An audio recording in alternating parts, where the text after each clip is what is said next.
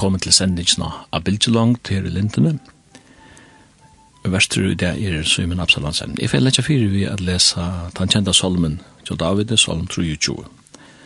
Herren er hyremoen, mer fattas ånds. Han leder meg litt av grønnen åndjen, og løy meg av kultarvetten. Han lukker salmøyna, og han løyer meg til en røtte løyen for navnsønns skuld. Om jeg så skal genga i det alle deg skuggans, øttes til ånds åndsjilt, tog til år vi mer kjeppertøyen og stavertøyen tar oka med.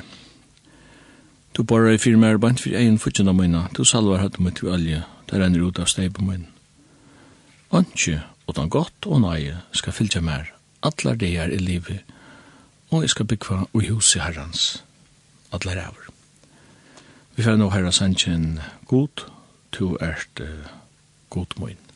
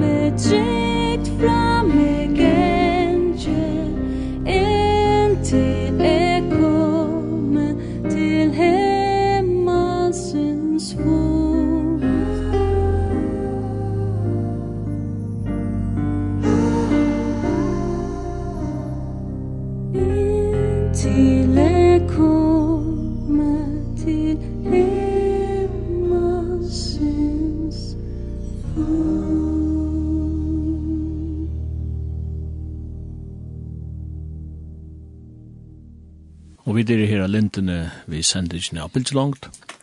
Og i morgen så har vi finnet jo en gjestestudie til Nils Paule Nånstein. Nils Paule, velkommen. Takk for det, Søren. Nånstein. Ja. Det er ganske tankene eller kvalpjær. Ja, det er tankene eller kvalpjær. Det er jo steiner som er oppe på Pressfjallet og Kvalpa. Og så var det sinnet han at uh, papen min er faktisk født til syska sin. Papi som vi er etter appen min, heter Nils Paule Syskasen. Mm Men eh uh, skilte lännen att uh, det var flere i familien som hade samma namn och og typ kom kloder i uh, i posten vid kvarst. Om det här så var grunden till att appen mun skiftet det här ska inte men uh, det var kanske spalta sig vi. Så han tog sig namnet Nonstein. Pappen min föddes syska sen som sagt så till vi i 18 år. 18 och 3 och och 4 till att att jag tidigt här namnet. Så jag kunde det inte syska sen. Ja. Någonstans er det så blev det, ja. Uh, Byrja i tunnen, som man sier. Byrja i tunnen løsla i kvalma. Det gjør det faktisk ikke. Mamma og, og pappa, de er begge soninger. Pappa er kvalpa, og mamma og en hund er Porsche. Og de uh, var i havn. Lærte. Um, mamma og en lærte til sjukrasøster. Og pappen han uh, lærte til, uh, til. Så jeg er faktisk føtter i havn av landsjøkrosen. Mm og... Og 1973? Og 73, 25. februar 73. Så er dagsens ljøs, og...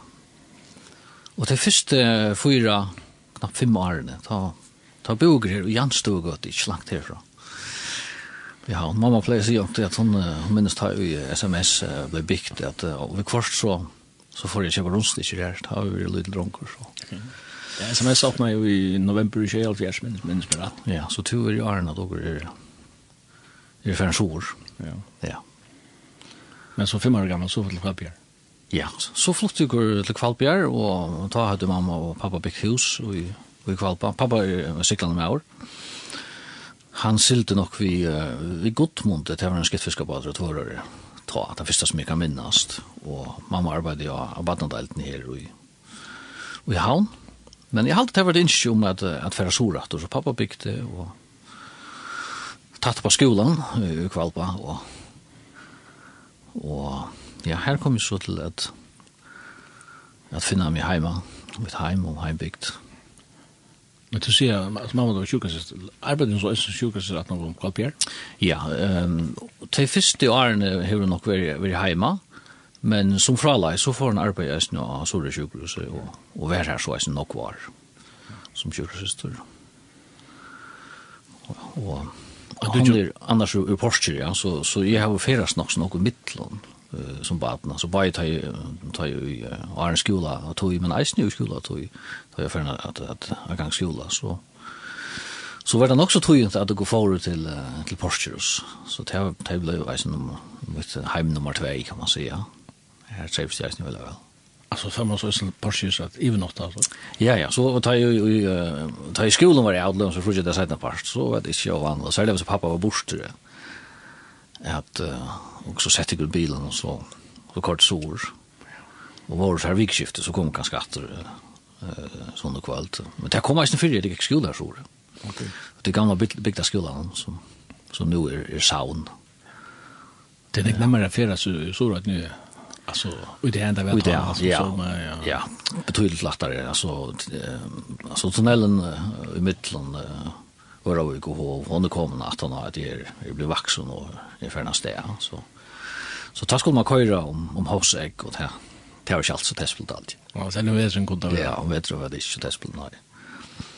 Men nej jag har ju några några rinkminne från tog egentligen. Det har jag inte jag kör inte Men det är så fem år det første fem årene i havn, så, så er det skola tog inn i Sorød. Men... Ja, så får jeg ta i for i, i første flokk og i kvalpa. Ta var pappen faktisk uh, vikarer. Ja. Han var skolelærer i et eller vikarer i et år. Det minnes jeg nok så vel. Så ikke en vinten av firma. Og tog en av vint, ta første skulda der innenfor nye. Ta for pappa og så videre taske. Jeg får må inn her taske det igjen. Vi får inn her på trotsi, og så videre. det. Ehm det var nog i mitten att han han skiftade chans han var vi vi gott mot så så vitt ju men och så så får han så sålde han vid Chaltrum i men det var ett år eller så där snar. Och han så att förlorar och och det som så minns också alltid att han sälte som stormaur och och då skipar vi vi makten oljebaten. Och tar släpp onkel turar vi till norrreisen. Till Mongstad här som där tog oljen. Och till det tror jag bara. Ja. Og du er nummer? Jeg er den eldste, vi tror jeg fjers, og uh, onker har sagt at dere er alle er er ena bøtt, så jeg er så langt i middelen noen, det er tjei år i middelen vi er og, og godmund. Og så er det 86 år til, til Johan, så til 13 år i middelen vi og Johan.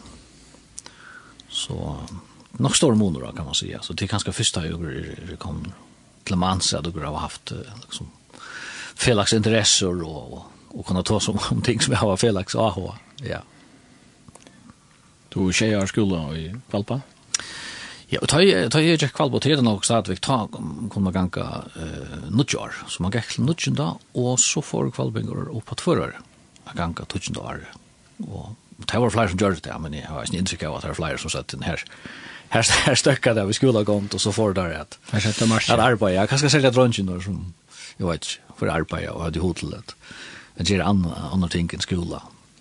Men jag tog så touchen där just nu att förare och och får direkta till uh, i mina skolan som tar vara HF Sky i så Ja. HF börjar i i 404. Okej, ja, det är ju grejer. I Sjore och klass ut till Ikke selv det aller første. Ok. Så var det for, for ja. Jonsson. Ja. Det minns jeg vel. Ja. Men det sier han, men ta var uh, skulle ikke komme i hovet? Nei, nei, nei, det er nok så langt at han har vunnet tog at han kom i, i hovet. Um, ta i rekka av min skola, og det var nok så bort vel fra min sky at, at ganka uh, HF i Sorøyden, tog at uh, som som kjente, og kanskje flere av min Jan André, får til havnar ganka i høydelen. Og jeg jeg halte at at han andal av vetsing og, og til herren gruber inn i livet som, som teenager, ta ble vi nok involveret over i, i samkommerarbeid i vitten og til vi var mot andal heim. Så, så følte jeg nok så sterkt fyrir tog at uh, vera verand i øytene, nok involveret over i ungdomsmøter og bønarbolkar og til vanlige møtene i eisen, ja og sundagsskola. Så jeg følte at det var, det var viktig for meg at vera verande og, og kunne Ja, så vi er til signing her av sted. og det var så nok som, som får i avbygden er av stedet. Så det betyr nok noe for meg. Ja. Du sier at han er vekkingen og, og at god grep inn til liv. Ja. Ja, jeg vaksen opp når ja. grønne til. Ja, altså jeg, jeg minnes vel fra, fra min første tog jeg i havn at jeg har vært i sundagsskolen og i Veneser. Og Uh, så tar jeg komme så året, men så er man i Øysen en sundagsskola her, og vi vet noen.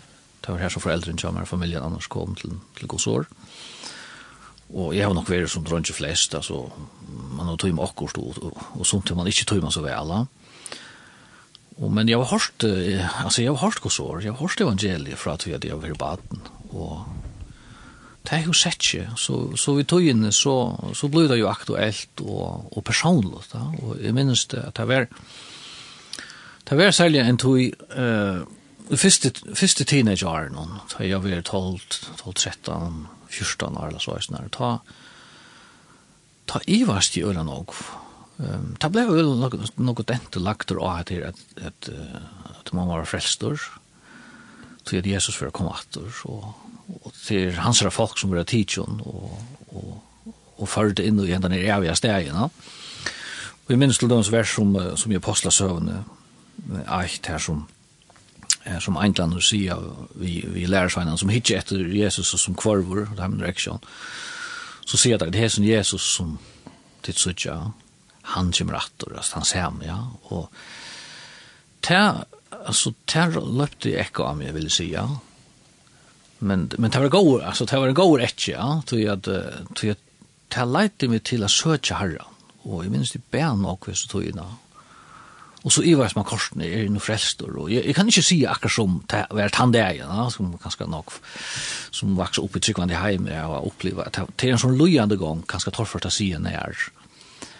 Men uh, så minnes jeg at uh, til å være om, om 12 år alder, eller her alai, 12-13 år alder, så minnes jeg at papen, han leies på land, ta.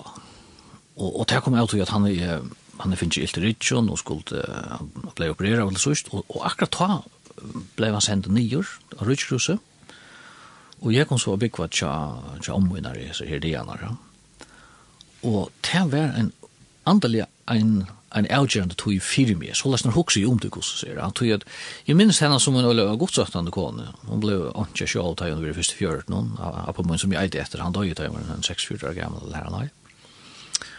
Og så hon er, hon er steg i ensamhet också nog og och tar mestest atter av henne Løyvi at hon har hattlat seg opp att herren, hon har upplevt hans herra. Hans har omsorgan och jag Louise så är en djupt andelig kona som som jeg opplevde i sin egna heime, lesa og bia og, och og hon sankaisen. hei andakt. Og det gjør det inntrykk, ja. Og jeg minnes hvordan jeg bærer hese her kvelden som ble med å sove om herren skulle komme inn og et løyv. Men jeg hadde fri om fattelig ordlan för en jeg var om 14 år alt. och ta i var en sarepta, 14 år gammal. sarepta repta Og och ta minns det att det för första för allmänt vittna. Mm. Det sier det jo blant frälst. Og jeg minns ikke hva det sier. Det, er sikkert säkert värre som jag noen teenager. Man, man sier noen år som man har lært fra øren, Men, men det var noe som var ekta og, og värdigt. Og, og jeg halte det hur vi nok så avgjørende for mina for mine antallige fer. Det at man allmenn til å gjøre jeg trykker Jesus, han er det for mye eisene. Til nega forløysande i. Til nega forløysande i, ja. Altså, Bibelen tås jo om at trykva hjertan, og eisene eisne det ved munnen nå, no? Altså, altså, altså, det som åker gjør er ikke det som frelser, det er Herren som frelser, han eier alle ærene for det, ja. Men korstene er det en vittnesbord om andan liv, og at, at Herren han gjør noe, og minst, særlig 18 år, hentan ni vittnesbordet, ta, ta kom tosten av, ja, en antallig tosten efter att att läsa Guds ord och lära herren att känna så jag minns av, att bo tätt i skola som det. och det var, jag, jag minns det så, att det var nog så tog at jeg för åman, och det första som gör det var att de får läsa och be, ja. Så en antal vet inte hänt det här och och när så, som sagt, när det kom till sykt, där jag vet inte om du har sett år akkurat här Ja. Men att här var antal lov, det var nog så togent, for att um, Jeg, jeg halte eisen av mitt ungdomsløy, selv om det var ikke utsøvende på tannmåten, men, men jeg trodde godt å sutje at her var en mulighet som er affæra til leiene eisen, og, og som nægra min kameraten for, ja. Um, men jeg var spartur, altså jeg halte herren hun varst med her. Du valgte noe annet? Ja, jeg valgte noe annet, tror jeg de opplevde at det var godt. Mm. Ja, det var godt for meg, ja. Det var sikna.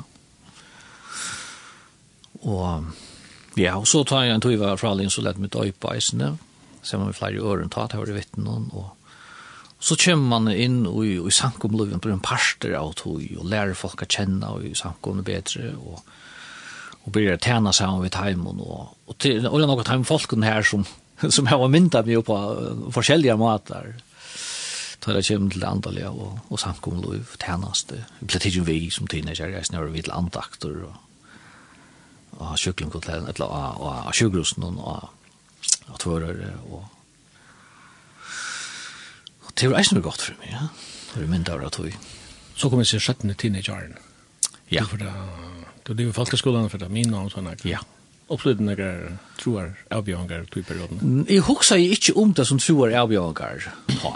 Det, det alltid ikke. Jeg, har jeg det her jo eller gå kamerater, og, og det var till givet akkur akkur stickbilder kommer här och här och akkur skämt och men sånt ta ta ta upplevde jag inte som som illa meint eller så läsnar. Ehm Så jeg, nei, jeg halte ikke noen, noen som troer kreppa akkurat så som jeg minnes det. Jeg halte det var nok så marskanter og, og, min men uh, troar løyve og, og fastor på tammatan og, og, og, og brukte jo traktater ut uh, altså her togina og åkte vidtjeger til åkst dansestea og kom jo prate til folk her bare så ta. Det var ganske veldig tutsjent da og så, og så hese, hese, hese årene her ja. Fram etter så nei, jeg opplevde det som en gav og andelig tog hver og i herren kan man la ut til å bjørnast andelig ja, og gjerne røntor og og fyllas vi folk som som hade gå över skan av mig och ett andra liv. Ja. Men du föddes tror jag fjärs så så kan ni räkna ut att du lever har ju vant om lejen 25 här lej. Ja. Det var inte något nämnt i färgen då. Nei, og, og faktisk minnes jeg atter at er tøyene som kan, jeg synes det er en røyndar tøy, ja, for jeg er ferdig, jeg var i HF fra, fra 5 til 92, og var nok involvera vår tatuina bara i sjånd i skolan, men eisen til ungdomsmøter og, og til møter annars. Ja. Så kom og til tøyina 18 av mina, og det var jo kreppe av herne som ta ordentlig tega seg oppe i fyrjon. Og jeg, jeg minnes til en, altså til sitter ui mer en, det her slakk ljøse, altså ikke lade det brenne å neiot, gjort. og, og, og folk i grannaland her som må gå byggva, som må gå boe, de uh, miste arbeid for i landet noen, og Og det altså, det er en eller døper tog. Jeg, jeg, jeg var stor nok til å bli medvidet over omak som kvar hur alvorlig det her er som som tar hent, ja. Og bare da jeg var ferdig i i HF så så får jeg av flere av ikke arbeid, og ble oppsagt. Altså, jeg arbeidet arbetade den sluttet, og ble oppsagt, og tog att arbetslös, ja. Alltså Fyrt man har tagit stökar. Att det var som stångt. Ja, så är det minns det. Jag flaggar sig kvar på stångt simpelt då. Och tog vi häst i i i 2.5. Og så fyllte nøkker år fram til, hva skal jeg si, uh, tjej og halvfems, tar jeg for nyr å lese, så var jeg sinter atter og fram. Altså, her var tog jo hver jeg var arbe arbeidsleser og, og strudes vi til. Jeg gjør det, det imest hjemme ved hus, altså, uh, pappen hei jo seg, og, og gjør, jeg minnes jeg leier sinter at her, at jeg skjer opp veitor og, og gjør det imest. Og. Men så var jeg et år i, um, i Skottland av GLO på Uppskolan. Og det er den tilslig college. Det var 3 og 95, 94 til Are. Og det var øyla godt for meg. Altså det at komme bort fra, um, og at uh, jeg sa dem i omgås år intensivt, og jeg synes det praktiske. Det var en skole som, som komponerer i bare til teoretiska, och jeg vidanna. Men jeg synes det at, at vi og evangelisering og uh, at gjøre sosialt arbeid, og vi til at, uh, at leva i praksis til at jeg tror loven som han lærte, ja.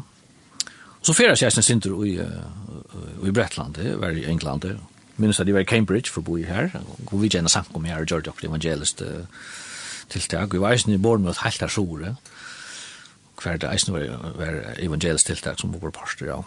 Vi kjenner en vimma Norrland, Belfast, vi kjenner The Crescent Church, som er også kjent samkom her, så...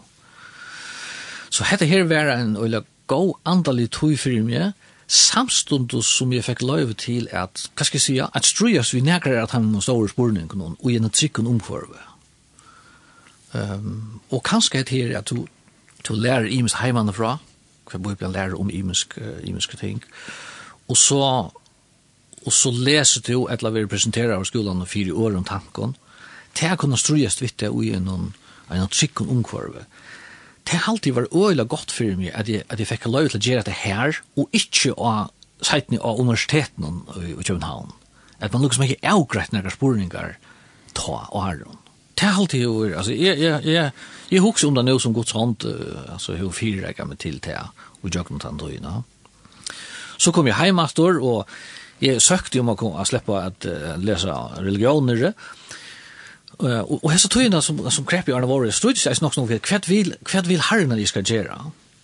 Og anker du huksa, det er jo fantastisk at herren kallar meg til trobare arbeid. Men jeg følte anker det her kallar etter her, som, som jeg kanskje forbandt vi er ferdig ut i frumskoven og langt bort fra fyrjen og primitivt og så videre. Det kom mange ganger.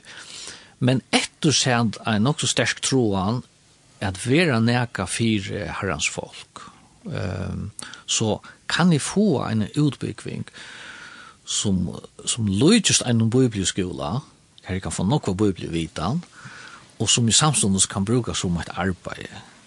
Og jeg vet ikke akkurat hvordan jeg kommer fram til det, men, men jeg visste jo om, om lærere som underviste jo religion.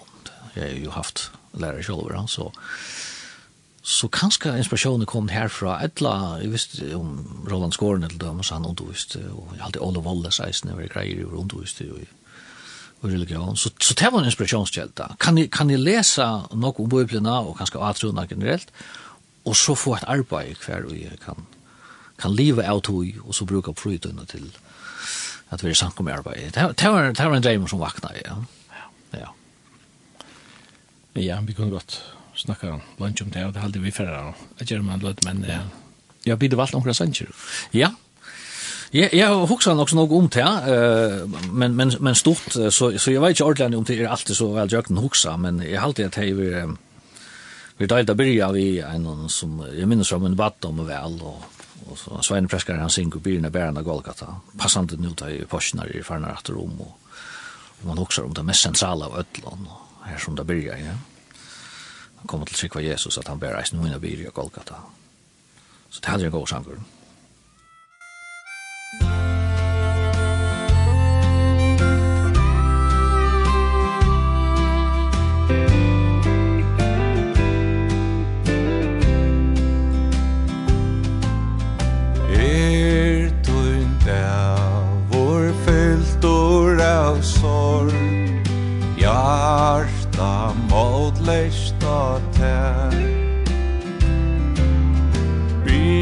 Byrna bär han av Golgata.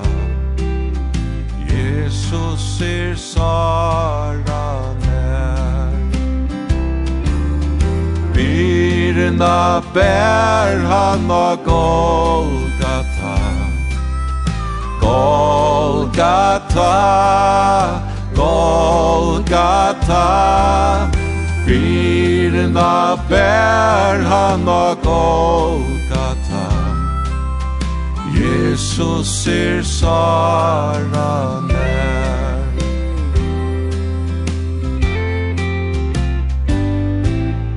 Kasta alt A Jesus ui der Ber berstotta tun her.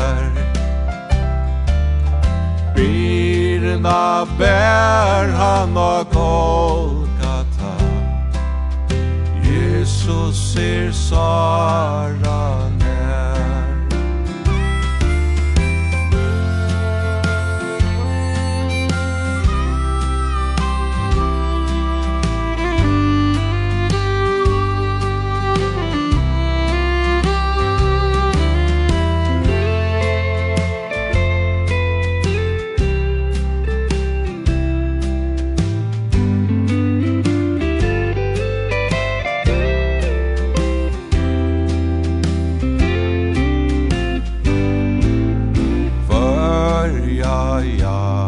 Da sorg og kvartar.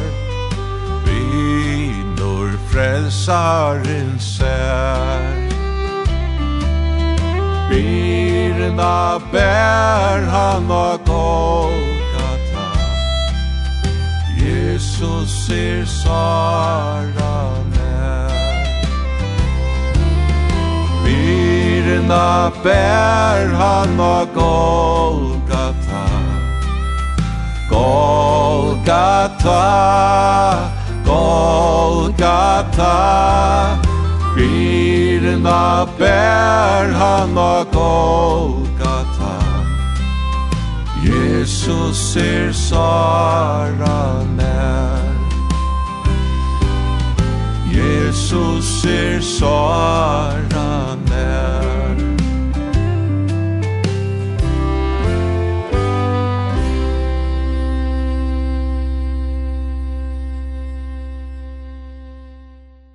Du lustar etter lindene og sendingene av Bilselongt.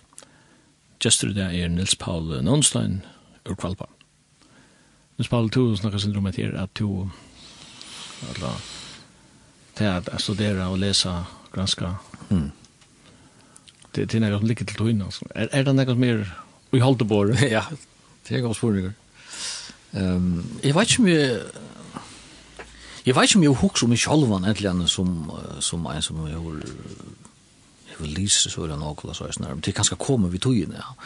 men, men jo, jeg halte det altså Mer mer dom du tar hooks ju som baden sånn, mer dom vel väl att att råkast vi men skulle nok spalte fotboll och spalte ut Så det er ganske nærkast som vi kom, ui, ui, vi ui, man kommer til personlige trygg, og, og man, man skal fyrrega ikke til i minst da, og, og eisne fer en hunker etter å lese Guds ord og lære til å kjenne, og en sånn, en sånn her, og hun fyrre ferien av bibelskola, jeg halte til å vakt nok sånn og selv, jeg halte selv til at jeg ferien til Englands, var Skottlandet, og eh, var her et år, og lærte vel engstmål, og, og fikk liksom smatjen av at her finnes bøker, her finnes noe godt tilfell, som kan förklara biblerna och och kanske troarspårningar som man står just vid och så vidare.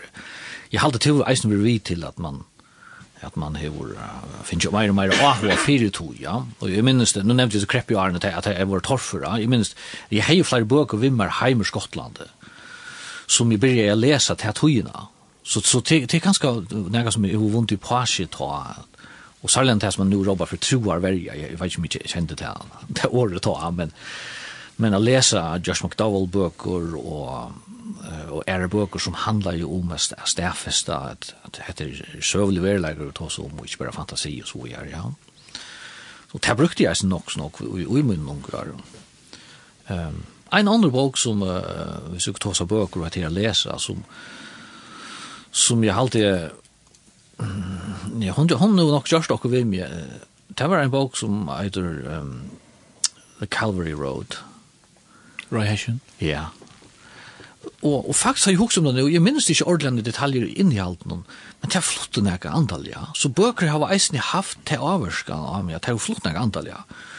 Og så etter her, tar det var torrfort å få arbeid. Altså, jeg minnes det at, at jeg, jeg ringte, jeg spurte pappa om det, han, var, han har jo silt, og han var, og, og hei kanskje kontakt, jeg spurte, kanskje kjøp meg silt, men han, han helt det, du skulle være med og sjálfur til å gjøre det her og sånn, ja.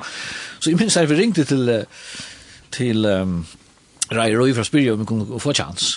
Og det sier, ja, hvis det sier, ja, altså, altså, om vi var interesseret av Rui og standa bylista, så sier, det kan jo godt. Og, hvis jeg minns rett, så var det 200 nøkker og fjers. Altså, altså, det var, det var øylen torfort å få en arbeid. Og jeg har ikke hodla for å lande noen ta atter. Um, så, det ble jo eisen uh, lisen nok, va? Og en av disse bokene som vi les var Shadow of the Almighty, i skugga alvalt, og nu kom det først, nu veist, ja. Om henne her unga mannen som strøyes nok så nok vi kvært vil herren fyrir meg, og han også er nok tro på han, og fortsatte vi han til tørver av terravera i Amerika, og, men han også er affæra understø og fjærskåndestø til at jeg bo evangelia. Og jeg halte at hatt hesa bøkurna kanskje Luisa Sintur eller seg trutja bøkurna som kan nevna så Luisa Sintur ta ta ímske vegina som man fer. Sintur akademiska Men så eisen heter her innlige personlige, altså krossvever og noe, lærer herrene kjenne. Og så autobiografien, at, at jeg sutter ikke selv han ui, ui omkring øren. Og, og hese bøkene har faktisk fyllt med, hese sjankrene har fyllt med, hvis jeg kan tog inn Men, men jeg halde det ble nok så tog som togene for, at, at det var akkurat boklott som, som jeg i hod til at, at, at gjøre det har alltid blivit så tydligt. Så jag sökte in och jag läste religioner och först slapp jag inte in. Och så plärade jag så och vad man skulle ha något mål för och tugst och, och så jag så supplerade också plärade jag och så plärade jag. Och så plärade du så rätt nu? Ja. Ta var ha ta var ha fisk mer men men här var stat jag hade var sån blandning och här var men fisk ju i skolan var här och här var handelsskola og jeg var eisen student, så jeg, jeg tok det som sværa til et, et år vi måle, altså jeg hei frangst og tungst Latin? Og latin, ja. Faktisk spurte jeg skolen, jeg sier, hva sier jeg til at jeg leser grikst? Altså, jeg skal gjøre det selv, jeg skal skaffe alt tilfelle, finne det og hvordan man kan fære leksamen og alt sånt ut. Nei, det er ikke det så ikke vi på. Jeg leser litt til grikst da jeg var i, i Skottland. Hebraisk? Ja, det var jeg så ikke kommet til da, det er ikke om seiten, ja.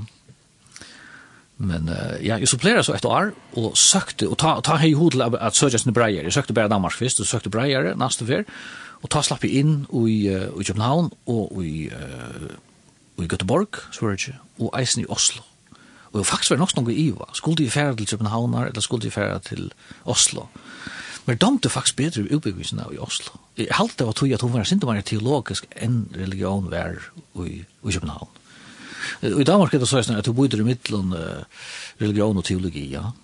Men uh, av universiteten i Aarhus, her er religion og teologi av samme fakultet. Det er sin saman. Aarhus, er det Oslo? Og i Aarhus, okay. hvis du vokser Danmark, ja. Men i København har det skilta helt sundur. Så det er at teologi har sitt egna fakultet, og religion er under humanistiska fakulteten. Og tøy var jeg, tøy appellerer til nok, nok til min affære til Norra, tøy tøy virker som at her var nok snakk bare teologi oppi i. Men så minns vi tog seg vi forskjellige personer, og tar seg til hukse om, og kristna stod er her, tog kan være vi i tjeneste og sånne. Jeg tog slett ikke i å sko, hvordan det ser ut, hvis vi nå må fære dem til, til norra, og ikke hei nægget samband med kristna stod, hvis man hoksa om, om tog inn 18 Ja. Det er nok langere mittel føringene i Oslo enn i København. Ja, det er det, ja. Man har nok blivit mer integrerad av det norska samfunnet, ja, og, og så videre enn kanskje flere føringer bliva i, i København. No? Men... Uh, Jeg synes spesielt tanke hoksa, hva hei hent hvis vi nå var ferdig å lese i Oslo helt? hva er hvordan er livsleien ser ut så. Men altså, alt er at det er godt sånn da. Du leser religionsvisende? Ja. Altså, jeg husker bare noen antropologi, eller ja. er, det, er, det, er, det, er det den folkalusfrøy? Eller? Ja, altså, man kan si at, at religion, religionsstudie er ikke, ikke, ikke noe grunnfag på den måten. Altså, det brukar, det brukar sociologi, og søva sjåvande, religion søva, det brukar det. Og en pastor er jo teologion, og en pastor er mal, jeg lærte jo grikst her og hebraisk deisen, ja. Og uh, fenomenologi er fytler eisen også nok, og, og studiet i København er komparativt, det er å si at du ser man religioner. Man er ikke interessert av i sannleikene som så, man, man gransker ikke religion for å finne det av hvor, hvor religion er sånn. Uh, men man granskar fyra blå krokar på religion som ett som ett människalott fyrbrikt, ja. Hur uppleva och hur förklara folkene som religiöst, ja. Och hur sucha granskar det utifrån. Kanske man redan söka trunna och jöknon, egna tja trunna. Ja, bæg, alltså man er inte, man er inte, vad ska man säga, fjänskor i religion på. Ehm alltså tack man läraren kunde gå in på sia. Visst du kom här för jag finnas handläggaren så att kom skräfts det. Det är inte det som kom chef vi här. Men visst du intresserar av i människor i en fyrbrikt som religion och hur det uttrycker sig socialt eller i ritualen eller i lärarsättning och sådana. Så är detta då ett avhåvert sted att vara. Och, och det är helt i eisen, alltså, jag er helt något som vill läsa var, var avhåvert. Och, och og jeg vil si jeg lærte nok, va? Altså, og lærte eisen, eisen til at her var, hva skal man si, en av, man lærer jo at her var en professionell distanse til uh, trygg, og kanskje sånne, sånne egne trygg eisene. Så løsner det at man, man dår at, at meta om uh, at, ja, men hette her er, hette er nega menneskjallos, sjål han det er det, men det utelukker så ikke at det eisen er nega godomlott, nega, näka transcendent som man kan bruka i fullt år att att det är ju naturliga godomron han uppenbarar sig och och ger sig känner. Men du också kraften av evangelien och Jesus som en väldig person ja. så är det ja. absolut Jesus säger ju att är det samma igen och det är nog så radikalt ser vi moderna och egen ja. Ja. Eh Det var ju väl sagt att det passar att du löv och att du sitter här och in. Ja, ja, ja, det var det, ja. Och för jag kommer åter till det här att man kan ströjas vi, vi som Eh, Um, jeg vil ikke si at du strutust vi dogmatikk, altså lærespurningar, hva er det sannleik, eller så leisnar, altså er, er kristna tryggvån sånn på handamata. Men det var kanskje meira av de eksistensiella nivåene, altså opplevingar messi, ja, altså kan man kanna om en kristumbøn er kvalitativt ørvise enn en bøn til en som ikke er kristum. En muslim, til, til dømes en muslim, ja. Og Uh, og sjåvande tar man granska religion komparativt, så er det ting som lydjast. Um, men hvis man, hvis man ikke, hvis man ikke anser etter, så, så kan man godt fatla ut her grøvene og halte at hvis det er lydjast, så er det det samme. Det er det jo ikke. Og, og man hever jo eisen i granskingen, bare i søvergranskingen eisen for mig, Estor, heter her som man råber for parallellomania. Altså, til at du ser paralleller, ting som lujtjast, jeg må slutte at det samme. Du ser okkur som lujtjast, okkur, okkur i gamla testamentet, og i sumeriska religion, eller egyptiska religion, så sier du, oh, ja, men det er herfra det kommer fra, det er det samme. Men til en kortslutning, ja, altså, du, du, du vet det ikke. Det kan godt være ting lujtjast utan noe. Og eit som faktisk, jeg kan ganske nevne til, som eit som gjør det man får tre, enn at høyna. Det synes spesielt, tror jeg at dere høyde om en, en atarbalk, en atjarbalk, som eit andamananer. Og tar, her var så en religion hver tar av fætene av goddommen, er goddommen, kommer til tar av i form av en bjøten. Tar drepa bjøtene og så har der en, en, en malt og borster urisen her, ja. Og tror jeg kjøtt at hvis du fer tann veien som eitor paralleller og blivur blir sjukliga liksom upptigen av tog parallella med ja så kan du kött huxa ja men här sitter andra manar och äta sin god är det inte eisen det som jag gör att jag är färdig till brevbroting detta är ju lika mot i Jesus ha? Så så det var ganska det såna ting som man huxar jag som om eh uh, det nu den kvalitativa mononen egentligen ja? Men uh, Jeg halte at alt som gjør det mer godt, det var som nevnt at jeg hei fram og undan strust vinakra spurningar og bibelskola og en sikken omkvarve. Og et annet som var en sikning, det var at jeg møtte en som ble en god viner, andre Berghammer, som eisen leser religion og bo sammen i en og han var så Jag också en två år framför för mig och Leicester. Så han har ju eisen vad han jökne till er och han kunde ofta hjälpa mig att säga, men du kan också på det på hända mat han ettla. Jag läser så botsna. Och hon gjorde mig gott då.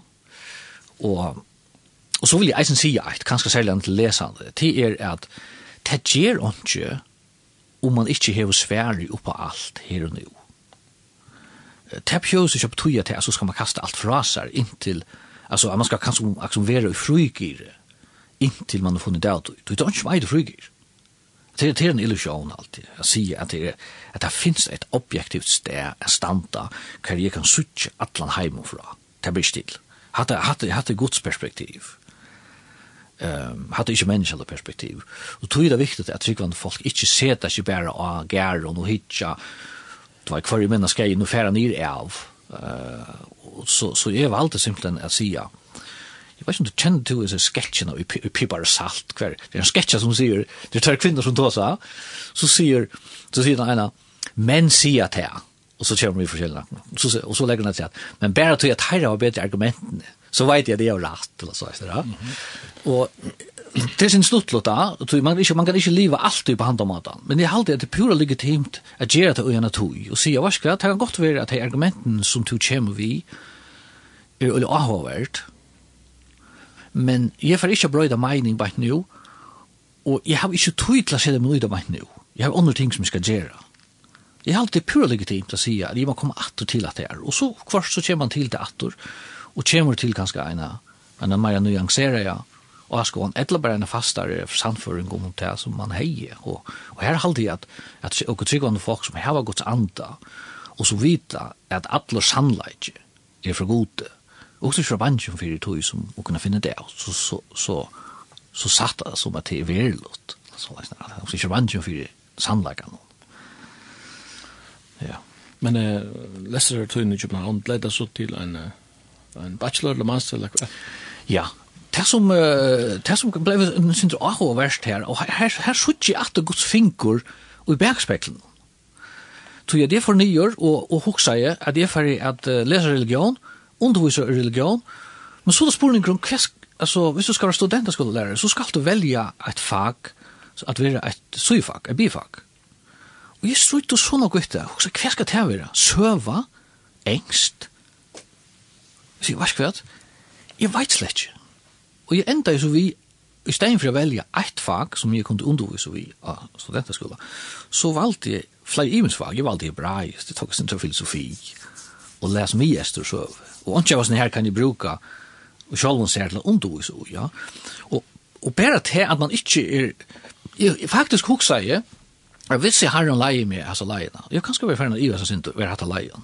Hvis jeg har en leie med hans leiene, og jeg får hjemme til farja, så får jeg supplere førskånd. Jeg får lese først, hjemmefargen, og så får jeg undervise først og, og religion. Og til det. Så hendte noe som avhørs. Til at Antro Bergam som vi jeg bygget sammen vi, og jeg tog, han, han var noe framme for meg, og han skulle ta støve til imest i samband med kandidaten som han les.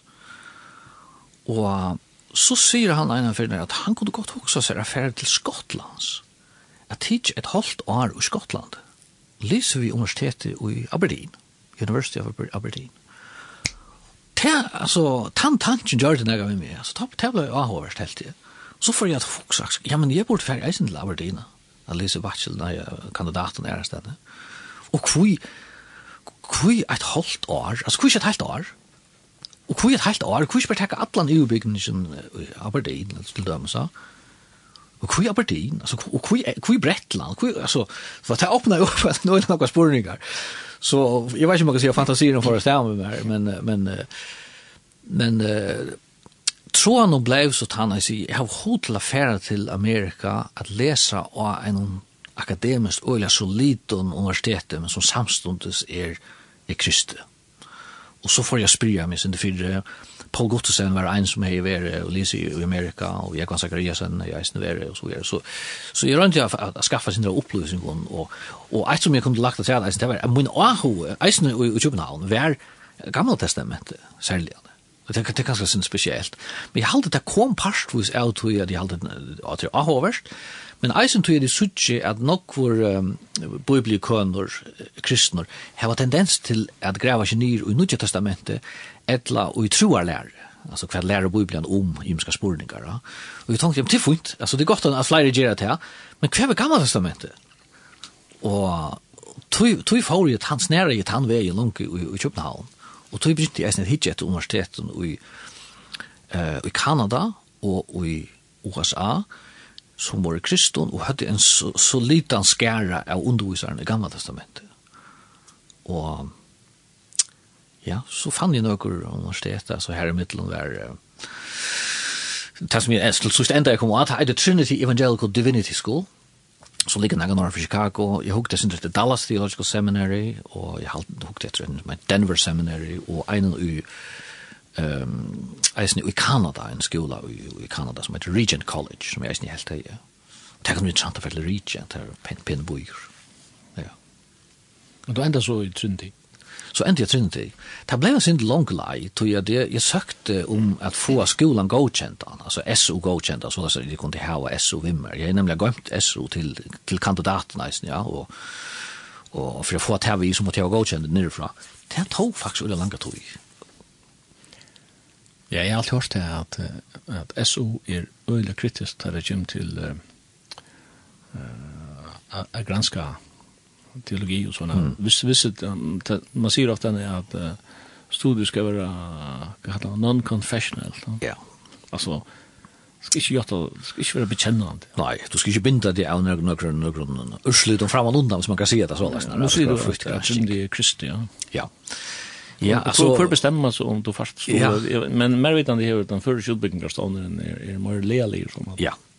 Ja, alltså här är några detaljer som vi kunde grasp fram men men vi kan, se att det är inte stort så så vart det så läsna att man söker det som är SO styrelsen om godkänning och och och tidigare godkännande myndigheter men har inte expertisen självande till att vita allt om alla uppbyggnader i hemmen. Så tar sända det til så utbildningar steg i Danmark. Og, og, og for mye vi kommande vært så tar til også fakultet i København. Og tar kommer så vi en utmelding hver här sida at dere halte ikke at här så skolene som vi kommande nevner at her er hava forsvaret akademisk støye, og her at så kan du ikke få du kan ikke få arbeid i Danmark vi har sin utbyggvingen. Og jeg er nok så trasker halde jeg natur. Jeg, jeg får så direkte til teologisk fakultet og, og ta seg nok nok vi studieleieren her som heter Norger Høyen og, og spurte han hva det mener du egentlig vi tar ikke sida at skolen er ikke akademisk forfarlig. og det ble nok så lang samtale og, og flere samtaler i noen langer tog i. så faktisk sankar meg et år jeg atleir ferdig et år fra man undan men jeg vil sanker meg et år bare stå seg av Jesus um, men det som dør til utslag til sust, det er det at de suttje at teologiske fakultetet lyser vi at en som heter Paul Hebert, han var missiologer, undervist i missionen, og at Trinity Evangelical Divinity School, han skulle undervise av teologiske fakultetet i København. Og jeg sier det ved studielæren, det kunne ikke mene det seriøst. At jeg kan si at skolen er ikke akademisk forsvarlig, men samtidig har de bjøret en av professoren herfra til at undervise i København. Hva mener du? Ta ikke kjøtt da fikk jeg godkjenningsna, så sæt som ble tidsen oppater, og jeg fikk uh, lov i for sted. Så jeg får til Chicago i uh, sommer i 2002. Og hva er det her og nøkker her? Jeg var her flere år, ja. Så jeg, jeg, jeg søkte inn uh, av en utbyggving som uh, er nok så, nok så klassisk uh, teologisk utbyggving, som heter Master of Divinity. Det er en trojar utbyggving. Og man skal ha en bachelor når man slipper inn her, så så jeg får under henne, og, og til en sånn typisk utbygging som noen samkommende leier i USA teka og det som færre i andre land. Og ja, det var en det var en signatøy, altså det var streve, det var, alltså man kan si arbeidsnivå i, det var noe annet Jag hade jag halde, København hej til styrkene at kunde kunne för fordjupa det oj att ävne inte uppmötingar skilte, och examen alla sjukt. Men här var det några veckor man skulle liksom ta en liten quiz och så var det midterm och era examen som så som så akademiskt blev man pressad och eller eller nog. Du mår andra nackan här i det. Nok mer ja, så kan kanske följt jag som heter det heter det för attor och i min om skolan eller så där när jag lärare andra det mer i nackan va. Men men jag men men då det där väl att man lärde sig några ting och läsa sig nu betydligt mer så ju till men kanskje ikke alle stedene lykker djupt. Ja. Er det først en master her i Ja, så um, kanskje jeg holde å nevne at, at en av grunden til at jeg valgte sinne til, um, det var tog at henten her utbyggingen som, som tar gå i her, hun var komponeret ved praksis. Det vil si at tar hadde ikke bare teoretisk fag, men tar hadde eisen om nisjon, og evangelisering, og så skulle man være, så skulle man være ui evangelisering. Så og for ut og møte folk og ta seg evangeliet vi, vi mennesker. Ja. Og så lærte man eisene om imiske praktisk ting i en samkommet til dem. Så altså, hvordan, legg, hvordan ser du et møte sammen, eller hvordan ser du denne tale sammen, og så videre. Og dette var faktisk en spørning som vi strutste siden vi i begynnelsen, tog at, tog at man kunne jo velge eisne utbyggingar til dem i Kanada, som, som bare var teoretiske. Og faktisk, det appellerar nok nok til mun. Det som jeg gjør det i København var akademisk til tøyene og bare boklott. Men jeg følte jeg som, kan jeg virkelig forsvære til at fære en skola og bare lære boklott og ikke lære noe om hvordan tjener man så? Hvordan er man så i en samkomme eller i misjon? Og jeg er faktisk glad for at jeg gjør det til at jeg har lært noen ting her som er alltid veldig viktig, og særlig den samme du prætiker lærer hver hver brug til regler, hvordan gjør man, hvordan ser man tale sammen, og så gjør, ja. Men Tømmersen tror jeg er oppbyggving, og ta i hånd narskais enda noen. Um, ja, ta skulle faktisk i praktikk, vi var i praktikk i Kristianstå. det er en parster av det, hun skulle, i praktikk. Um, ta i narskais enda noen, ta også i nok noen kvenner jo. Men så tåsar vi pappa vann sin rum där och vi säger, men tar här var faktiskt en utbyggning som du kan täcka om man har häsa. Det är så mittlån ting i mittlån, det som nu har vi också en PhD, det är en fyra till PhD-läster som som att täcka. Och pappa säger, vad ska jag, du kommer omgång till det attor. Hvis du inte gör det nu, så kommer du till det attor. Och jag smäcker till och säger, fint. Jag tar inte, jag ser utbyggningsnad, det är faktiskt en tvåårig utbyggning, men jag manglar bara undervisning till ett år. Så jag var ett år att säga att i USA, så kom jag hem, Dori giftust, 2006, og ta avslutta i eisen i utbyggvingsna, og somri i 2006, og ferdig til Københavnar.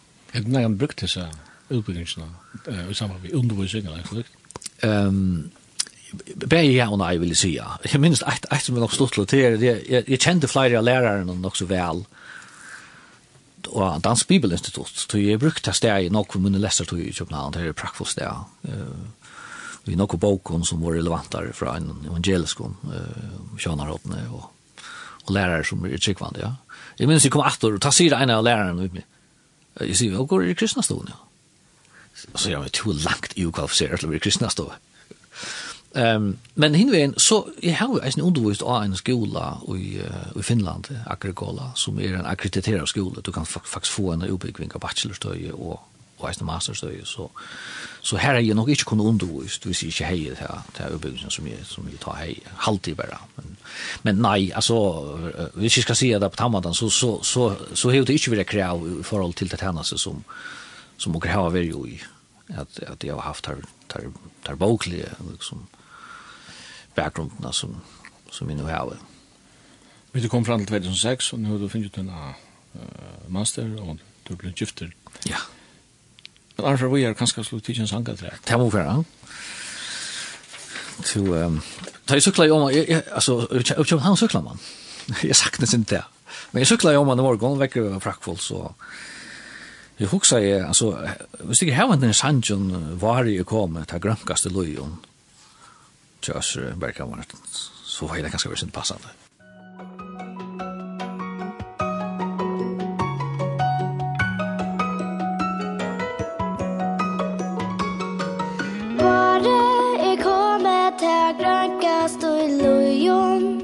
sen kom nu fåglar nu halsa där blod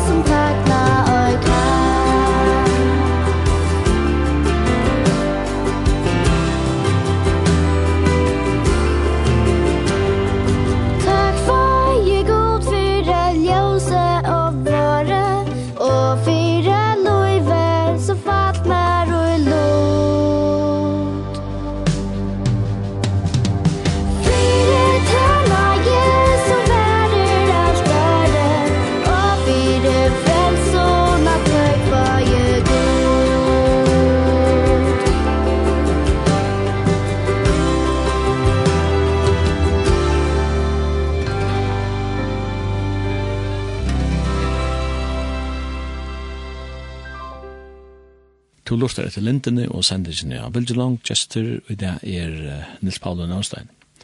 Nils Paul, du tog sånn rekommentere at du har uh, Liseberg og i Danmark, og i Skottland, og USA, og i nek, nek, nek, var. Og så som du forklarer for Jokken, så, så sitter han sammen med Indrik, jeg vet her, en, en ekvile skriftlærda mann framme for Det er ikke alt det mest positive inntrykk man får av de skriftlærda til man leser evangeliet. Det er nægget også til. Ja, ja, det er sjovt. Og det er jo man eisen tåsa vi folk om i jobben tøyina. Det er helt lort da. Men jeg vil si, altså, fra de nærmeste nærmaste som... Um, ja, kanskje jeg kan byrja ved byrjan. Minst ene for at jeg tåsa vi ein... Uh, ein som var en, en kærebroer i, i, i, i, i samkomne her som jeg vokste opp og har haft øyla stor antydning for meg, så han er hjemme til herren. Jeg minnes da jeg sier vi igjen at jeg hokser om å fære bibelskola i Skottland. Og jeg halte hans, han, han indikerer jeg at det var ikke noe som han helt om han skulle. Og jeg halte det stammer jeg synder fra hans her tankene er at den lokale samkommene, her som Herren eisen i virksammer, hon hever finnes alle hans her gavene som Herren gjør sine folk. Og tog er det, og i lokale samkommene, at okkur få han den her lærdommen. Og jeg er pura samtur vi, vi hånden uitui at at til øyla, og man tåsar jo eisni om samkomme basera i undervisning i det. Og i stein fyrir at du tekur, kanskje til døms, i ungfolk, ut ur samkommun, og liksom ser det inn i en skola og i så langa tog, og så fyrir det ut i løyvi aktor, i stein fyrir at sia at det er jo i samkomme høpe at undervisningen fyrir fram, og og at de får at de praktiske røyndene av stenen her som de skulle virka, selv om de hukker om Vesterheimen. Så jeg halte avgjørst at her som tanken er, er viktig at her i hoa. Men hinveien, så lever greisene ui en er øyla spesialisera er ver. Ikke bare ta det kommer til, til godfrøyene, men, men du, du hikker etter arbeidsplassen i, i havnene til dømmes det. Altså, til så spesialisera at man skal hava papyr og på allt möjligt för att kunna virka här. Ja. Och tog jag också att att tryggande folk eier eisene at at hugsa undir på tamatan at at sjón til personliga liv vi harra er ikkje avhengt av kor uppbyggingur her. Man kan man kan leva eit så rukt og og fulfilling som man sier enskon eh alltså nöktande godsöttande lov att ta kan skillas åra att alltså angar ut i tre omstår definiera det inre lov som Herren kan kan ge och gå så så här som här som måste sättas upp mot korridor och det är inte motsättningar ja. men det som fyllde nog ta ju var onkor ta var ja men Jesus kritiska spårningar som är ju för kristendomen eh det passar inte söveligen ettla hva er kritiske spurningar. Det var nekka som fyllte noe som er, og jeg dodde sutja at jeg bruk for å få svær, og jeg vil huksa at det er andre vi mer som eisen jeg har bruk for å få svær. Tøy er det viktig at det er nøkker, det er bjøst ikke å være ødel, slett ikke, men det er nøkker som setter seg djupt inn i akkurat evne som relaterar til bøyblina, og doa at verja til og i tog allmänna rum, hvis man kan se det så, og arbeidsplassen, et eller hva det skal være. Så hvis jeg har en hod givet her et innskje om affæren av oss alai og gaver til det, så gjør det som en tilbya. At, at du brukar dine gaver som en tilbya til herren, sier herre, du gjør meg disse evnene, jeg innskje tilbya til vi tar min evnen forleikon som jeg har, og innskje dårdar gjør til. Og om du gav eisen bia bønna herre, jeg halt meg eimjokan. Så lasnar at Uh, så det är ju som Paulus sier, det er noe av vita noen lärt om, någon ger det sväka, va? Mm -hmm. Og, og tenk kanskje så leie om vi er til det, ja, men det er jo nok tryggvande menn og kvinner som har haft eh möjligheten till att ta längre utbyggningar och sedan så djupt in och och i muska bibliska og, och sövliga ämnen och mal och så är som har haft så stor antydning för Guds folk. Alltså Paulus var lært med over, ja. Och han kastet nok fra seg fraser särskilt det som han lærte om hur man blir frälstor. Men han kastar kastar ikkje vitan av gamla testamentet fra seg og om forståelse av tog. Det teker han alt visser, og, og ikke for å si at er rombrau, eller andre brød som han skriver. Og jeg hadde sort, hadde sort typisk einfalt nek. Jeg hadde bestemt ikke einfalt. Jeg hadde djupt teologisk. Og, og, og folk har granska ut og, og grav ut og, og i 2000 år, og kom ikke til båt, så, Jo, til eisende tog jeg det godt så år, det vet ikke hva, men altså, god brukt i han. Og hvis du husker reformatorene, Luther, og Calvin og ære personer som har haft og eller store avvarskan av den evangeliska heimen. Ja, men der har du eller store forløkere og lært om. Og så teker opprådene til brøverne i England, som må de være til åker, som kommer ut ur anglikanske kyrkene. Og så jeg halte at, og klart anser etter at dere ikke ser dette oppe mot dere for en øren, at dere er, at dere halte fast vi at det innere løyve her som Herren møter og at det er dyra barst og, og, og kan være så vekkert og hodtekende pura avhengig av tog som noen annars har jeg forleikon. Men hinveien, herren brukar det som noen lærer, ja? altså alle sannleikar som noen kunne lære, og tankar som noen kunne huksa at han av hånden. Mm. Det er gode, ja?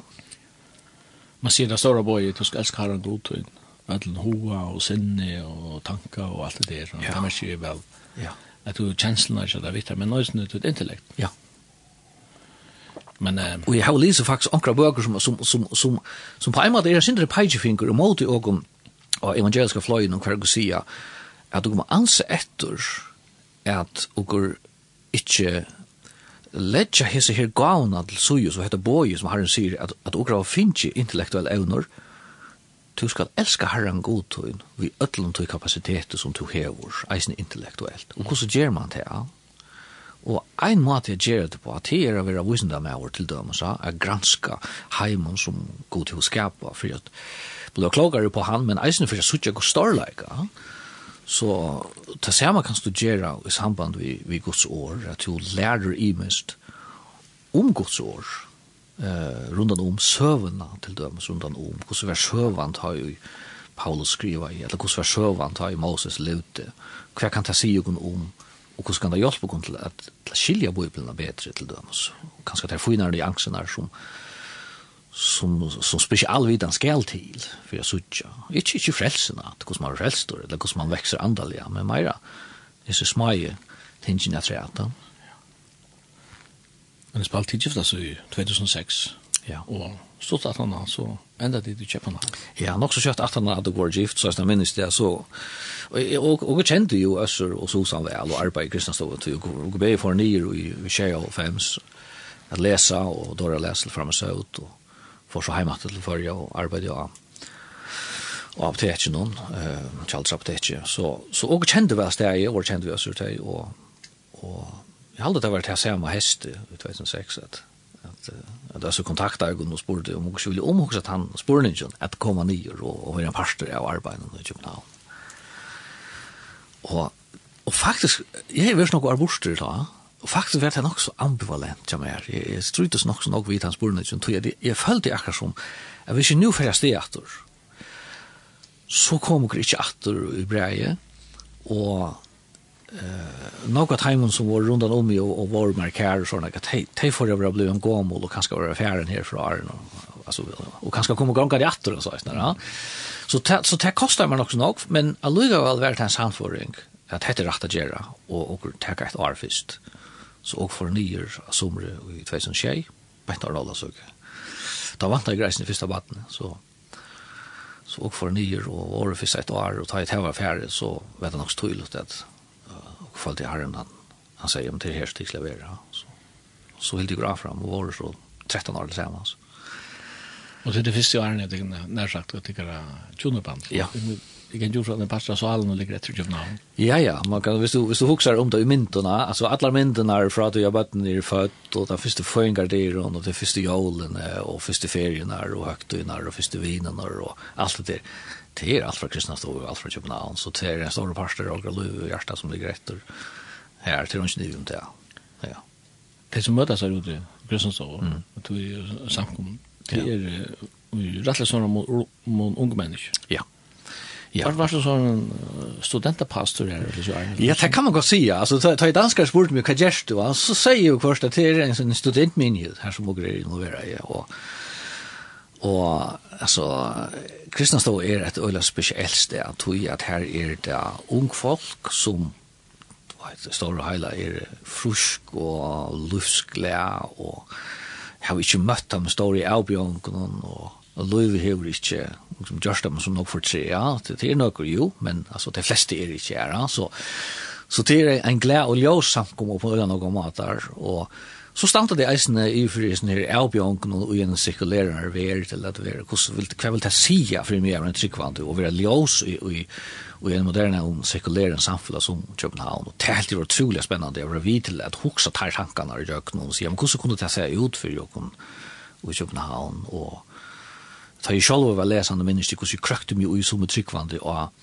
og studien og ekleide til, og også, så hvordan er man kristen og danskar? Jeg, jeg visste hvordan det var føringer og kristen, men hvordan, og jeg lærte så nok kvalitet, og eisne om det dyrve som de hadde, altså, til imenska fester og som, som det var til at, jeg vittna om herran og ikke krokva ljøse borster og at inspirera folk på hamadan, at læra deg gods år og at være her eisen tar det av spurningar og Og så tar ferien av reisene hver de, de strøyast vi imska spurningar. Det kan være eksistensielt, det kan være vi, vi ubyggvinnsen at gjøre, at være her for de. Og så alle de glede som, som er at fylja dem, at de får sånn utbyggving, som blir forlova i gift og får fyrsta battene, og får et arbeid. Altså, så nok ljøspunkt som åker over i parster, ja, så til en ryktøy som, som åker minnast atter av, og vil ha takk som fyrir at dere kunne være vi. Du er her for jeg djeva, men du kan ska finne nek sjálf. Otrolig nok. Og, og tar vi slett ikke nevnt alt de som er kommet ferrande fra vi, trobarer, andre folk som er kommet, har li nått og kristnastav som har fortalt om hva herren gjør ute i heime, og det var utrolig inspirerande. Det er det var. Det ble en hestleve? Ja. Hvert år? Ja. Det var en særlig tøtning. Ja, hun har haft særlig tutning, uh, tog at hun er nok så stort at han har at skolar byrjar, Og i Kristianstad er det nok utskifting. Folk får sin utbygging, og så er det kanskje en tog i 18 av København så færre deg, og her kommer kvart år nødfolk. Så, så eh, funksjonen er at eh, ser man sjåa, og er lukket som er bjåa at han nødt inn i hitan, og kanskje anker en øre som ikke ordentlig er jo finnes ikke, liksom, hur farran att Jeg kunne bjuda til, til en sånn lever. Det er jo veldig godt. Mm det är mer oformellt och man man man spelar samman, man får undervisning, man synkar samman. er gott huvud till att lära kunna man känna. Då tar man skriver en en stor en arv kan man säga. En, en skatt på något mat där. Ja. Eh man ser kvar kan man eller hur man ser på Danmark och det. Jag tänkte sitta med danska salmabögen och, och läsa om Krävs som salmin och tja, tja Brorsson, Grundtvik och Kinko och sådana. Det är, det minner mig om att det är som djupar prætiker. Ja og sterske bådskaper om sjálva chatten og ute kristne trudden, ja. Ja. Om at uh, inkarnasjonen av godgjørs menneska, at han mm. at han løy, at han døy for menneskans synder, og at han vann deg, han reis opp av det, og og hever alt og alt i hindu jeg gjør, altså alt det som er jeg vil si grunnsolen her ute kristne trunni, ja. Altså det er um, bare teologisk og poetisk sett fram på en helt, helt avferdelig og største mm. måte. Mm. Ja. Og en sanger som uh, jeg vet at du er god i til er uh, sangeren Hild deg, frelser og forsoner. Ja. Uh, er den til å løse en prædika? Ja, sangeren er, er, er, er en omsettet til, til forrøst, Jeg er alltid han finnes det jo en tveimen omsetning om så nok vers. Men ikke om det ikke er nutje vers til sammen. Altså, berger man ikke også. Altså, omsett han for noen år siden eisene. Og alltså han är en en lovsånger till till Herren, inte han frelseren och den stora semingsmannen som som förrugna åter til god och och på ett han så öververkreisne George och og och Grundtvig ja. Alltså han är han alltså Herren är den dype sammenheng Alltså i loven og tilværende. och Ja. Kjenner du nega til Eivesøvna, ikke Grundtvig? Ikke så nok, nei. Det hadde jeg ikke kan si, ja han har ofta en tunga period i livet. Mm. Han ska hälsa inte depression. Och, och så man menar att, att, att Tar verkar så Salman er ganske yrste det, han var langs nere. Ja. Det er, det er nok spesielt. Ja, og, og kanskje ikke så løye til man hokser om uh, Salman i Bibelen, ja. Altså, hver er nok for bære eisen i hese her, hese myrkje pennastrøkene, ja. Altså, ja. er neien at... Uh, at uh, Herren gjør noen år og, og bøn. Uh, altså, anker spørst meg anker, og hvordan, og til sjående eisen vil min glede i samband vi til at kunne undervise, altså hvordan blir det til at du hever salmer som døm salmer 8 fors, her som det ikke er færre og ljøse nærkastene suttja. Han byrjar og endar i myskri, ja. Og jeg minnes det at jeg en lærer i pratikalærer, han sier, at ta ikke undervisa og pratike ut fra salmonen, så må du ikke si at ta deg til salm 8 fors, at det her er den dæbraste salmer som er. Og hendan her, hetta møte i det, og henda talan i det, hon får byrja og enda i myskre. Så hvis det er nutkjepa, så er det ikke så er det ikke avværei, men jeg får byrja det å komme atter nasta sund, at det var ljósar, ja. Men, men til det verleit, ja, altså sommar tøyr i loivun tja tryggvand folk i eisene, er det bare myrskur, og suttje ikke ljós. Og ta halvtid det veldig viktig, bare for integriteten av salmonen, og eisen for integriteten av okra luserfæringen, at man sier, vi kvart så suttje grunn til oss, og bare nu må vi bare være i myskrunnen. Men det kommer en annan dag, her er en annan solmor, her er en annan dag, hva er herren for å løse oppa? Vi får at høyre sangen, hil deg, frelser og forsoner.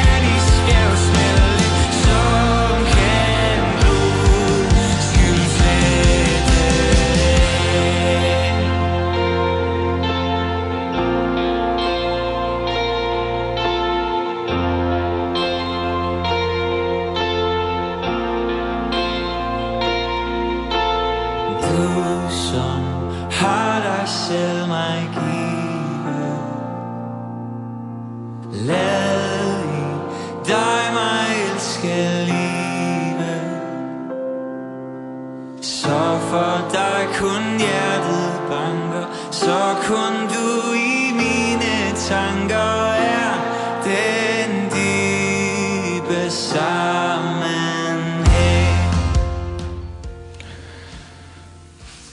Vi er her linden her ved sendingen og veldig langt og gestur der er Nils Paule Nånstein Nils Paule, du vil ha vært vojan og du er sånn du vil det sørste årene i København men til lønne hjemme til førre på et tidspunkt. Midt i koronatøyene. Mitt i koronatøyene, ja. Ja, og det blev nok så knapt igjen. Det er ikke tøy at dere høyt i hoksa tanken av og av, eh, kanskje særlig til det sørste tøyene, om om det ikke hever rett at dere som familie, så bare dere voksne, og bøtene opplevde en part av oppførselen av bøtene i førre. Ja, hvordan gammel er bøtten til du? Ja, bøtene er 14, 12 og 11 nå. Og og var jo i en 12-13 år nirri, altså en øyla stor parster av Tara Luiver er nirri, og, og til ikke løy at hei at hei føler en stor parster ligger etter, og hei føler selv i eisene. Men uh, og var jo følte av det rett, at um, at komme heim heimater og at det var noen ødlund som altså familieisen er muligheten til at, at oppleva uh, liv i fargen og og det var så tine kjørende kjørende kjørende hvordan så framtiden kommer så gjør ut til åkken, så det vet jeg ikke, og det ligger alltid godt sånt, og er villig til at, at vi her og tjene, og er villig til å fære affära steget och vi ser här en sender och av landet nå, nå får jeg sutja men men men nå er jeg her, og så så langt som bötten er är bötten og och inte vax så så så och grav in och vägen og vi och vi sank om det här och och funnit några antal hem och Ebenezer til det her som som då är vuxen upp och till man kan säga att kristna står är ju eisne sprotte bort ur Ebenezer och och så gärna tidigt till så nu jag samkom kring landet så så här är inte grad att vara och, och tärna utan mån här ger det möjligt ja. Då har kunnat att du hon är utbyggvin utbyggvin farmaceut ja. och arbetar apoteken ja hon uh, arbeider bara hon kom hem ta att han har läst att hon har Charles och her hun veri eisne ankra løtnar tar jo grava virne bonere, og, og nå er hun så av framleisapotesen og, og arbeid her. Det lå som en teltpellan til at det fanns en nyr her i havnen. Ja, og det var kjøpte en hus under fjallet, og det følger virkelig var en gava som hun finker fra her, men men tar er slitt nok så djupt nyr, og, og nå, nå hukser hun ikke så leisnare at jeg flytta på en av veien. Så tar det ikke rikt opp, rikt opp at det brei. Ikke brei, nei, det vant, det vant ikke. Så det er alt ligger og så og kjenner ikke hvordan livsleien verer og hvordan alt ser ut. Så. Men så det som småger hoksa nu, så, så er det her. Så, så vil jeg ta ikke tikkene opp at det er, nei. Men spalt til vi uh, video avhørst av det her. Ja, men takk for innbjørelsen. Jeg håper at, at akkurat det var veldig av kilo og, og, og sikning er det herren vi tog som som hun sier og, og er det. Og um, vi får ikke at det er å tunne alt det beste fremover. Takk, og som leis. Ja. Du hever uh, en, sang, en sang her som du kallar Møyne Frelsere, som kanskje kunne spalt til sørst. Er det noe å si om han Tanfrelsen? Ja, altså, jeg, jeg halde ikke at han sanggrunn er... Um, uh, han, han er nok ikke kommet ut enn uh, så, så vidt jeg vet. Så jeg vet ikke om, om det er mulig å finne en, en opptøk av vidt hos Hansen. Men til er Øster som gjør uh, hos Gjørst Hansen. Og uh, Sanger beskriver hvordan ja, Sanger han, han beskriver hvordan uh, Harren har lagt og han har um, givet mulighet til at, at tjene og at virka. Og hovast det ofte når hun vil gjørst og i veikleika, og man ikke alltid har gjørst og du har alt, gjørst alt så vel, så kan man korsen si at, at herren hører vi, og at det som er, det er Ja, nå er godt, så liksom som Paul sier. Ja. Og ja, Paul sier, han sier at nå er godt, så er det ikke virkelig ikke. Så det, det er alltid er nok så oppmuntrende for åkken som er i tjeneste. Ja at uh, det er Guds nøye som halgar og gon, og det er Guds nøye som gjør gon for for tjena, og det er Guds nøye som gjør at dere tjeneste skal etnast. Så heter det en låsanger til herran for, for hans nøye, og, og som sagt, jeg, jeg, jeg halte ikke at han, han sangren er tøkere enn til det er kanskje når jeg kjøtt vannet det. Så kan du velge noen annen seg for Ja, og jeg kunne valgt uh, noen annen, og jeg mener at uh, Andrew Bergkammer, han har vært Uh, han ju flere sanger av, av fløvende salt. Så anker at han sangen som, som antro hever, hever erst og kunde kanskje vara passande at, at ända vi. Uh, en annan som, uh, som hever hodet min nok till er um, til er Rein Godsen, man er damer eller vel, han ser spil og han ser sanger eisen. Kanskje eisen tog jeg tar ferie, av kors, jeg synes ikke ut til filosofisk eller sånn, sånn hoks aldri, ja.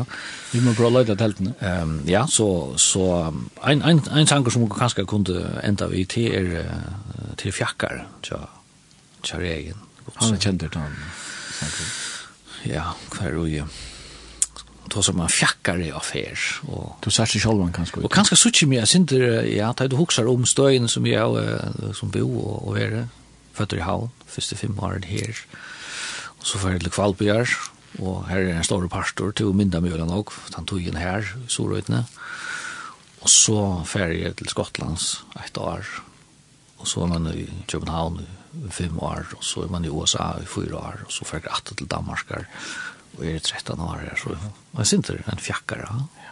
Jeg kan sånne, han er røyga rundt av teltene, han er funnet fjakkare nå, så, først. så vi da var fjakkare rundt. Nå har vi fjakkare, og takk for det, Nils Paule. Så takk.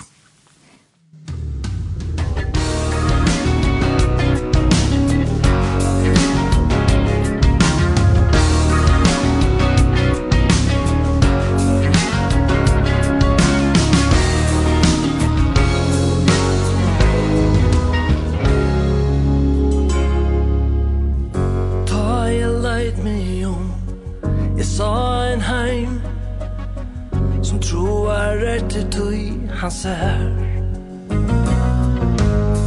Det tykte mer som lyve Men skjøtt i om.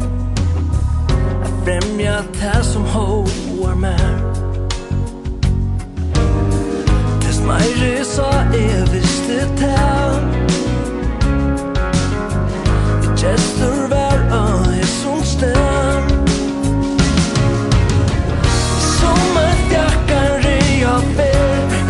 your hand out